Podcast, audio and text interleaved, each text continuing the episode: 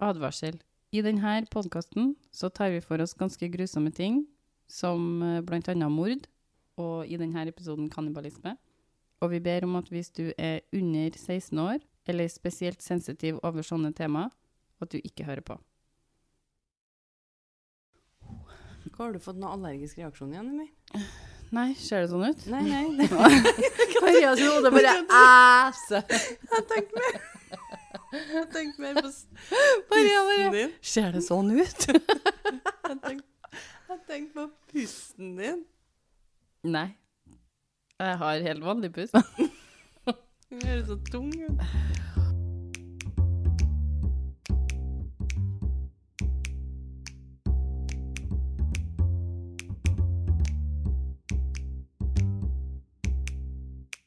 Hei, hei, alle sammen. Velkommen tilbake til én liten pause.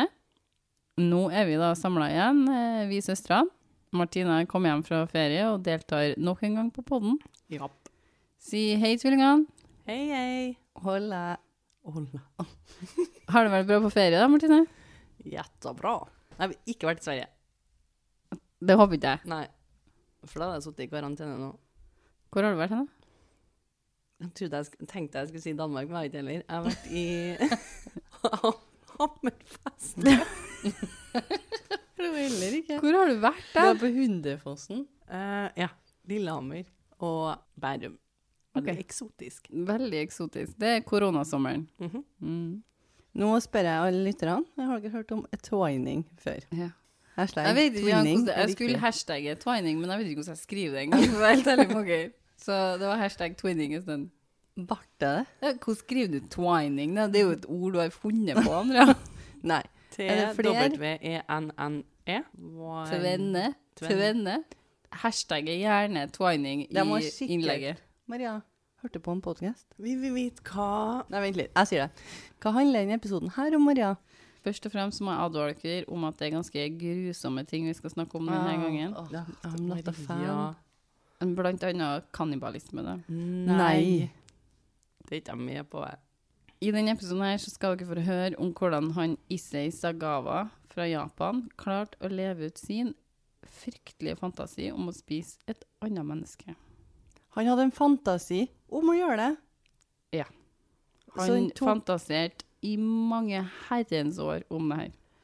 Maria, jeg har ikke noe lyst til det Ikke heller. Jeg er ferdig. jeg. Jeg legger opp. Skal vi bare starte, da? Ah, det her er jo Kan man bare si nei? Issei var født 26. april i 1949 i Kobe, Japan. Issei var en liten fyr. Han var født prematur, og ifølge mange av kildene mine så var han så liten at han fikk plass i handa til pappaen sin. Han vokste opp til å bli en ganske stille, tilbaketrukken og lite truende fyr. Han var alltid en litt loner i livet. Han forklarer seg sjøl som en fyr flest kvinnfolk ikke ville finne attraktiv, og han halta del, delvis da i når han ble voksen. Foreldrene hans var veldig rike, og Issei hadde i hvert fall én bror. Mulig han hadde flere søsken, det fant jeg egentlig ikke noe om, eh, men han hadde i hvert fall en bror.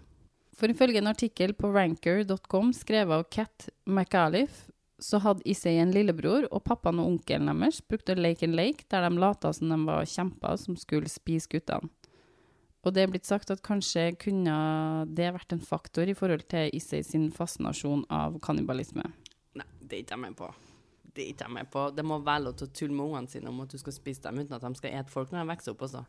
Issei Sagawa har gjort et ganske stort intervju med Vice, og der sier han ganske mye rart.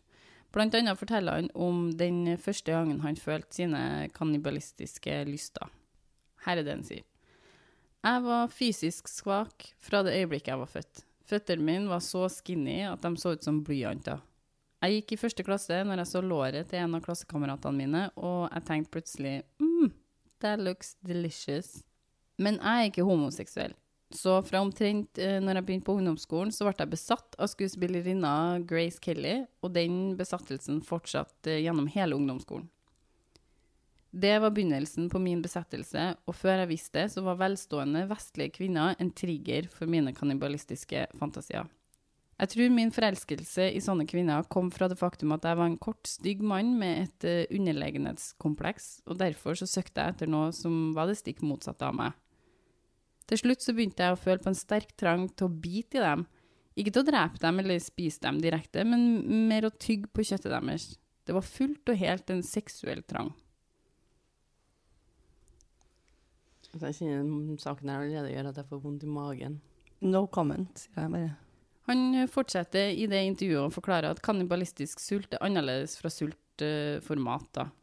Han forklarer det mer som en seksuell sult og sier at om man ikke er ejakuert hyppig nok, så ble sulten bare sterkere og sterkere. OK, ok, det, det. Nei, jeg vet ikke hva jeg skal si, Maria. Issei studerte engelsk litteratur på Wako-universitetet i Tokyo. Og ifølge Murderpedia så var det der han ble tiltrukket av ei tysk jente som brukte å hjelpe ham å lære tysk. Han sa en gang til en britisk journalist at når han møtte denne dama på gata, så lurte han på om han kunne spise henne. Han lurte på det. Han Han spurte henne. Nei, han lurte, lurt på til seg sjøl, liksom Å, kan jeg spise henne? En sommerdag så klatra han inn vinduet til jenta, og planen var jo da å drepe henne. Han ble henrykt når han så at hun lå og sov og var lettkledd i attpåtil. Issei hadde ikke planlagt dette drapet noe særlig, så når han hadde klatra inn, så måtte han finne på noe å bruke som våpen. Han leita og fant en paraply han hadde tenkt å bruke. Men før han rekker å gjøre noe som helst, så våkner jenta og skreik så høyt at han stakk bare derifra. Å, takk Gud. Takk fucking Gud. Han ble arrestert for voldtektsforsøk uten at noen visste hva Ise egentlig hadde planlagt den kvelden. Og han kom seg da unna denne voldtektsklagen også. Han ble, han ble sendt til voldtekt. Ikke at han skulle spise noen, liksom. Nei, for det visste jo sikkert ingen. Det var ingen som sa Det var ja. hodet hans. det Oppi var- hodet hans, det. Mm. Etter denne episoden så søkte faktisk Ise hjelp. Han gikk til en psykolog, og han tilsto Bra, jeg vil bare Bra. si bra jobba. Bra. Bra. Han prøver. Han prøver, han gir det et forsøk. Han gikk til en psykolog, og så der tilsto han alle de her rare lystene sine. På grunn av at Nissei hadde tatt skrittet mot å få utført sin Tatt skrittet. Tatt Vi er tolv år, da. Ta du skrittet? Av at Nisei hadde tatt steget mot å få utført sine syke lister i virkeligheten, så mente psykologen at Issei var en fare for samfunnet.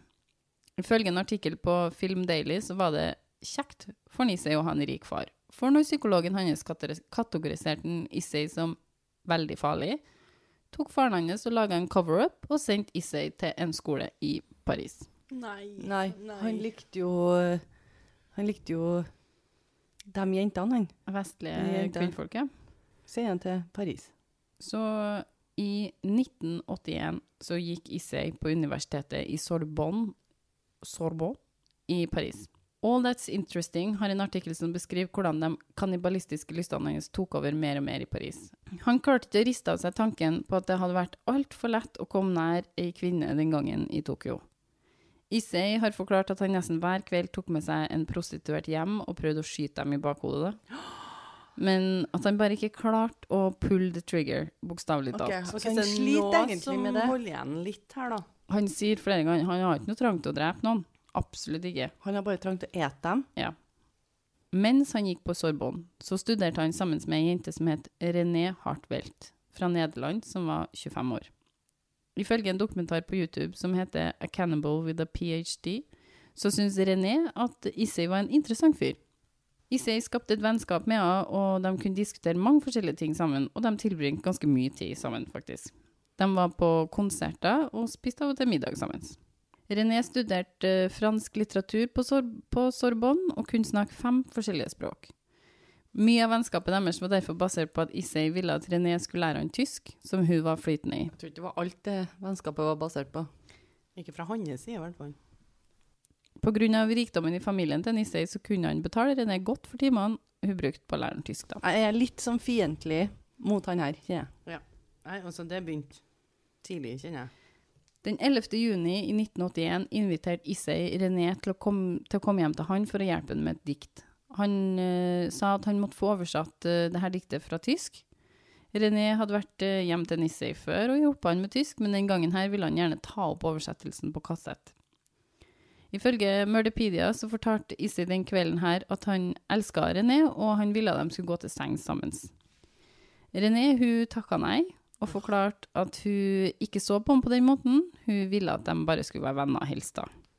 Han ser jo på hun på en helt annen måte. Han ser jo på hun som et kjøttstykke, Mhm. bokstavelig talt. René var opptatt med diktoversettelsen og mikrofonen til opptaket når han, eh, Issei kom opp baka og skøyta i bakhodet med ei rifle. Da. Nei. Det, det her bare forklarer hvor godt du kan stole på et annet menneske. Når Ja. du sitter helt alene eh, Du sitter med det mennesket her og prøver å fikse noen mikrofoner, og så er det noen som skyter deg i bakhodet. Du, du kan ikke stole på noen andre enn deg sjøl. Han eh, Issei da, han besvimte ikke lenge etterpå. For det, må, men det må jo være så mye syke tanker i hodet på han mannen her. Han var ikke spesielt glad i blod. Så. Åh, oh, herregud. oh my Det er- god, du Altså, det er så mye. Som er galt med den historien. ja, Det er så Når mye. han Issei kom til igjen, så tenkte han først at han måtte ringe ambulansen. Ja, godt tenkt. Men så skjønte han at han endelig nå da kunne få utført sine syke tanker i virkeligheten. At jeg blir Og så blir jeg redd for å stole på andre mennesker. Ja, jo, men det her gjør Det jo en- at man ikke skal stole på Altså, man må stole på seg sjøl. Men tydeligvis, han her kan jo ikke gjøre det, da. Du skal ikke være helt paranoid heller, da. Men Nei, men det, det, litt lever, paranoid er det lov til å være, altså. det lever en helt annen verden i hodet hans. Ja. Han håpa da at han kunne få vise da hvor mye han elska ved å spise henne, og han håpa å kunne få ta Vi, nei, gi dere! Det er ikke mulig! Og han håpa å kunne få ta over litt av energien hennes da ved å spise. Det første han gjør når han våkner, er å ta av alle klærne og voldta liket hennes. No words. Når det kom til å begynne å spise den stakkars jenta, så har Issei sjøl sagt at han valgte den høyre rumpehalvdelen hennes, fordi den venstre var nærmere hjertet hennes, og han var ikke spesielt glad i blod. Han skjønte at han måtte ut og kjøpe mer utstyr for å utføre det her vanvittige prosjektet sitt, og vi skal ikke gå så dypt inn på hva denne syke fyren her gjør med offeret sitt. Men mens han gjør de her tingene han gjør, så sa han til René sitt lik at hun var smaksfull, For who gives a fucking shit om du er det, liksom? og at han elska henne. Takk for at du sparer. Ja, det er nå hopper jeg over mange detaljer, folkens. Ja. Så dem som er interessert i å vite hvor mye sjukt han fyren her gjør, så ligger det på nettet. Nei. Han sparte deler av kroppen i kjøleskapet, brukte deler av klærne hennes som serviett mens han spiste, og han hørte på opptaket som René hadde gjort mens han utførte de her handlingene. Altså, nei. Jeg kan jo ikke kommentere det mer, for nå føler jeg at jeg kommenterer alt, men jeg syns han er bare idiot, hele mannen. Vi skal ikke gå noe dypere inn på det her nå. Uh, vi skal si oss fornøyd med den infoen som jeg har gått gjennom allerede, tror jeg. Vi sier ikke oss fornøyd med det engang. Jeg ville kunne ha levd godt uten å vite det. Etter et par dager begynte eh, naturligvis like liket å lukte, og det begynte å bli ganske mange fluer i leiligheten hans. Så Issei bestemte seg for at det var på tide å bli kvitt liket. Så han kjøper seg et par kofferter da, som han kan eh, transportere de delene han ikke hadde spist eller bevart til senere. Ifølge en artikkel på Ranker så bestilte Issei seg en taxi, og taxisjåføren kommenterte at eh, koffertene var så tunge. Hva har du inni her? Spør taxisjåføren er det en død kropp, eller? Hva svarer han Hva da? velger han å svare på det spørsmålet? Det står det faktisk ingenting om. Men uh, jeg håper han Jeg vet ikke. Jeg antar at han kniser, eller jeg vet ikke hva faen det er. Ja, En hørtes litt ut som hans type. Ville sikkert sagt ja. Mm. Issei ble sluppet av på Det her er et navn jeg kommer til å slite med. Beau de Blanche, en park i Paris. Han drassa med seg koffertene inn i parken, hvor han hadde tenkt å kvitte seg med dem uten å bli sett. Men mange folk så den korte fyren her da, med de store koffertene. Han Og litt litt halvt? ja, laga litt spektakler. Altså, det var på, midt på lyse dagen. Så Issei slipper koffertene og bare forlater plassen ganske fort. Folk merka at det var blod på koffertene, og politiet ble jo ringt ganske fort. Han er jo en lett gjenkjennelig person. da. Og kroppen til René ble funnet inni dem. Det var et veldig vanskelig jobb for politiet å spore de her koffertene tilbake til Nisei, siden han akkurat hadde kjøpt dem da, for akkurat dette formålet. Og jeg kan kjøpe Man har til og med lagt på lappen om at det er AC sine kofferter. Tilhører. Hvis Politiet kom og banka på døra til Nisei ikke lenge etterpå, og han lot dem bare på en høflig måte komme inn i leiligheten. Kom inn, kom inn. Det tok ikke mer enn et kort søk før politiet hadde funnet deler av René i kjøleskapet og i fryseren. Å, herregud. Issei, han tilsto alt han har gjort, i ei rolig tone. Han, han- jeg bare spør, har han her venta på å bli tatt? Ja, han, han, han, eh, han antar at han kommer til å bli tatt ganske fort etter eh, koffertene blir dumpa. Han har jo også sikkert et lite ønske om å bli stappa. Ja, han, han fær hjem etter han forlater den parken her og spiser litt mer, Nei. mens han venter på at de skal dukke opp. To år brukte Issei Sagawa i et fengsel i Frankrike før det ble fastslått at han ikke var strafferettslig tilregnelig. Ifølge dokumentaren på YouTube A Cannibal with a PhD så ble spesielt detaljene han la fram av det han hadde gjort, vektlagt når de sa at han hadde vrangforestillinger og var psykisk syk. Det er det uten tvil om. Jeg tenker at han, Det var ikke i det øyeblikket der han, det klikka for han, liksom.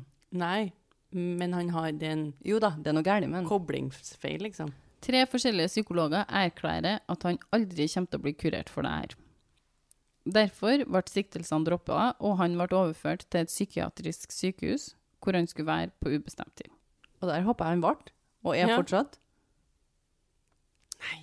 Nei, nei, nei, nei, nei, nei, nei, nei. Ikke vær stille, Maria. Ikke si at det er flere. Oh my fucking god, hvordan skal han komme seg ut derifra? Maria har ikke sagt noe annet. Nei, men her ser du på henne, for svarte. En eh, japansk forfatter kommer og besøker henne på denne institusjonen han sitter inne til. Eh, og forfatteren publiserer en bok som forteller hva som har skjedd i leiligheten hans og de påfølgende, påfølgende dagene fra Issei sitt perspektiv. Issei ble eh, da fort en kjendis i hjemlandet sitt etter den boka ble publisert, og i 1984, etter trykk fra advokaten og med god hjelp fra en Daddy Rich, så bestemte Frankrike seg for å sende ham tilbake til Japan for å sone resten av livet sitt på et psykiatrisk sykehus der isteden. Spørsmålet om det varte hele livet, da. Der mente de at Issei absolutt var strafferettslig ansvarlig for sine handlinger. De mente at han ikke hadde noen vrangforestillinger, og ville at han skulle i fengsel isteden. Ja, Venner råtner i fengsel. Det kommer litt an på. Hvis det ender opp sånn, er du for tolv år. Men Frankrike hadde droppa tiltalen mot han og lukka saken. Nei! Nei! De hadde ikke lov til å dele sakspapirene sine med Japan, så Japan hadde ingen sak mot den. Så i august i 1985, 15 måneder etter han ble overført til Japan, så ble Issei løslatt. Det der er så urettferdig i forhold til hun René.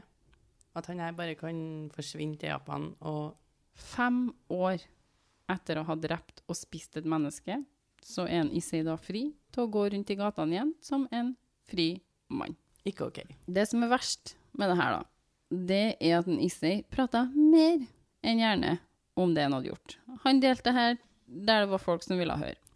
Han skrev fire bøker som ble solgt over eh, 200 000 kopier av, og var med på masse talkshows i Japan. Han var også med i en del pornofilmer. da. Japanske Por gameshows. Hva sa du? Pornofilmer? Han er med i en del pornofilmer, ja. Deep dive into the deep dark web, hvis dere har lyst til å se dem. Japanske gameshows var han med på, og var gjestesnakker noen plasser da. På et universitet og litt sånt. Så han var virkelig kjendis. Han var kjendis, ja. Faktisk så har han eh, til og med vært matkritiker og vært med på matprogram på TV Altså, i Japan. han har ingenting å komme med her. Han har ingenting å gjøre på et Han har. Ingenting å gjøre på et matprogram. Altså, absolutt ingenting. Han vet ingenting. Du vet at du tråkker i salaten der. Når Han tråkker ikke salaten. Nei, han bruker ikke salat. I 2013 så hadde Issei et slag og er nå handikappa og bor med sin bror som tar vare på han. Karma is a bitch.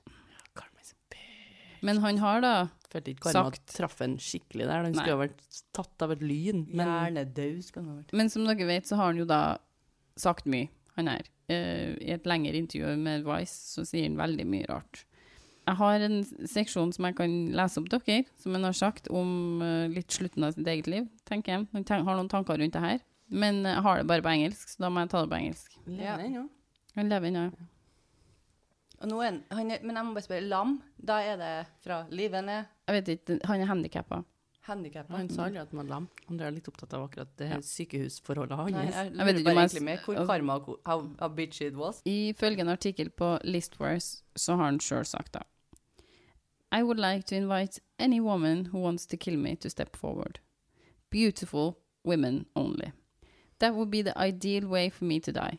Maybe they can shoot me up with some morphine so I don't feel any pain. Nei. Although Nei. Nei, ingen morfin. Ingen morfin. Det Absolutt ikke. Absolutt ikke. Although I guess the pain is part of the pleasure. Ja, faen. Kanskje Faen, litt så det var morfin. liksom Morfin. Masse morfin. A lot of it. Dying instantly is boring, so I want to savor the pro process of being killed. An alternative would be to drown in female saliva. Nei. Nei. Nope. Wouldn't it be wonderful to be covered all over in a woman's spit? Hvis det er det en ønsker, så sier vi nei. If I could die drowning in it, that would be my ultimate dream come true. Jeg skjønner ikke i helvete hvordan han skal få det til engang. Sorry meg. Hvordan i helvete er det fysisk mulig, liksom? Den hjernen hans er Men- så Men i verste fall altså, kunne det stått 100 kvinnfolk rundt den og spytta han i kjeften til en drukna, da, egentlig. If I could die drowning in it, that would be my ultimate dream come true. I'm a cowardly man who killed another person, yet I can't face killing, killing myself. So I guess dying at the hands of a woman would be my way to redemption. Jeg skjønner, Nei, det er jo jeg et skjønner, jeg skjønner liksom ønske ikke han har. Det er jo et ønske han har, Ja, så det det er jo ingen Det var det jeg tenkte jeg skulle si. Han, har jo, han skal jo ikke ha noe ønsker. Han kan jo ha ønsker, men la oss ikke oppfylle noen av dem, tenker jeg. Ingen av dem. Ingen av dem. Han er vel råtne uten å se et kvinnfolk, det. Piss på han i så fall, da. Nei, det tror jeg han sikkert kunne ha tenkt seg, det òg. Det er det verste, vet du. Ja, det er en historie han er ikke tatt med her, som som er, har, handler om piss, faktisk. Hvis dere vil høre den, så kan jeg si noe. Burde han ha gått til psykolog etter deg? Har du lest alt det der, Maria? Jeg har det. Opp og ned og hørt podkaster og det meste om den driten her. Håper du sov om natta. Jeg er Ja, helt jeg enig er med Martine. superbekymra for deg så dritgodt i natt, faktisk. jeg gjorde det. Ikke hodet ditt. du er OK, fortell den uh, okay. tisseepisoden. Nei, jeg vil Han- ikke gjøre det. Den her er ikke sånn, den her er ikke sånn drøy, sånn, det er jo ikke noe mord med den her, da. Han forteller om at han hadde ei venninne som brukte å, å pisse den rett i trynet. Og så stå over den og pisse den i, i kjeften. Og det satte han jo pris på. Men uh, hun ville ikke det etter hun fikk eh, kjæreste, så det slutta hun med da. Forståelig nok.